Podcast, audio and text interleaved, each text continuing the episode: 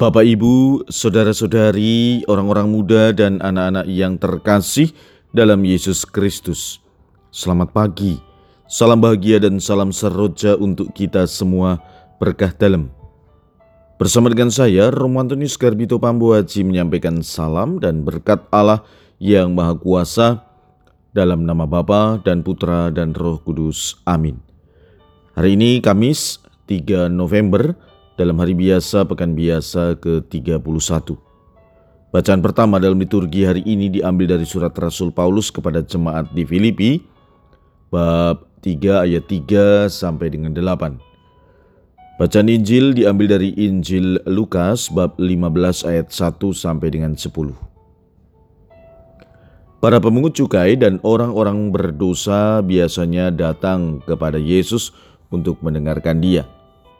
Maka bersungut-sungutlah orang-orang Farisi dan ahli-ahli Taurat. Katanya, orang ini menerima orang-orang berdosa dan makan bersama dengan mereka. Maka Yesus menyampaikan perumpamaan berikut kepada mereka. Siapakah di antaramu yang mempunyai seratus ekor domba lalu kehilangan seekor tidak meninggalkan yang sembilan puluh sembilan ekor di padang gurun dan pergi mencari yang sesat itu sampai ia menemukannya. Dan kalau telah menemukannya, ia lalu meletakkannya di atas bahu dengan gembira. Setibanya di rumah, ia memanggil sahabat-sahabat dan tetangga-tetangganya serta berkata, Bersukacitalah bersama aku sebab dombaku yang hilang telah kutemukan. Aku berkata kepadamu demikian juga akan ada sukacita di sorga karena satu orang berdosa yang bertobat lebih daripada sukacita karena 99 orang benar yang tidak memerlukan pertobatan. Atau wanita manakah yang mempunyai 10 dirham lalu kehilangan satu di antaranya tidak menyalakan pelita dan menyapu rumah serta mencarinya dengan cermat sampai ia menemukannya? Dan kalau telah menemukannya, ia memanggil sahabat-sahabat dan tetangga-tetangganya serta berkata, Bersukacitalah bersama aku, sebab dirhamku yang hilang telah kutemukan. Aku berkata kepadamu demikian juga akan ada sukacita pula para malaikat Allah karena satu orang berdosa yang bertobat. Demikianlah sabda Tuhan. Terpujilah Kristus. Saudara-saudari yang terkasih, hari ini Yesus kembali dikecam oleh orang-orang Farisi yang menganggap bahwa Yesus bergaul dengan para pemungut cukai dan orang-orang berdosa.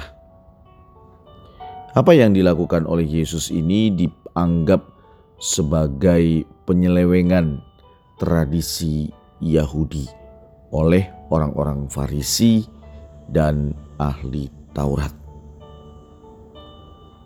Ada hal yang mau disampaikan oleh Yesus, atau ada ajaran yang mau disampaikan oleh Yesus atas apa yang dilakukan oleh orang-orang Farisi itu. Apa yang dilakukan Yesus adalah Dia mau datang ke dunia ini untuk memanggil orang berdosa supaya bertobat dan betapa besar sukacita surga apabila ada orang berdosa bertobat. Itulah inti dari dua perumpamaan yang disampaikan oleh Yesus untuk menanggapi reaksi orang-orang Farisi dan ahli Taurat. Yesus tahu kejengkelan mereka maka Yesus tidak marah, Yesus tidak kesal, tetapi ia menyampaikan perumpamaan itu untuk memukul orang-orang Farisi dan ahli Taurat yang mempunyai pandangan negatif tentang dirinya. Saudara-saudari yang terkasih, maka sabda Tuhan hari ini mau mengajarkan kita juga soal kesabaran. Menjadi keutamaan yang patut kita perjuangkan dan kita hidupi. Karena apa?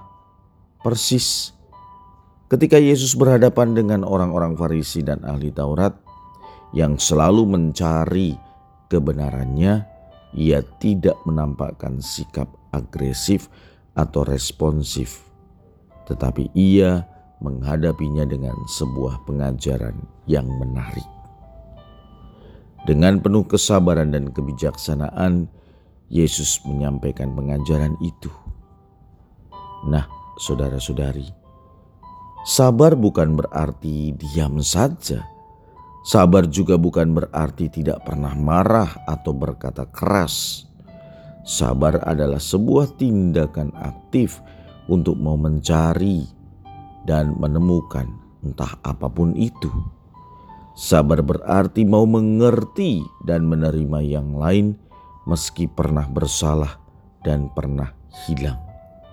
Sabar adalah sebuah cara untuk mau senantiasa mengampuni meskipun tidak mudah dan tidak murah.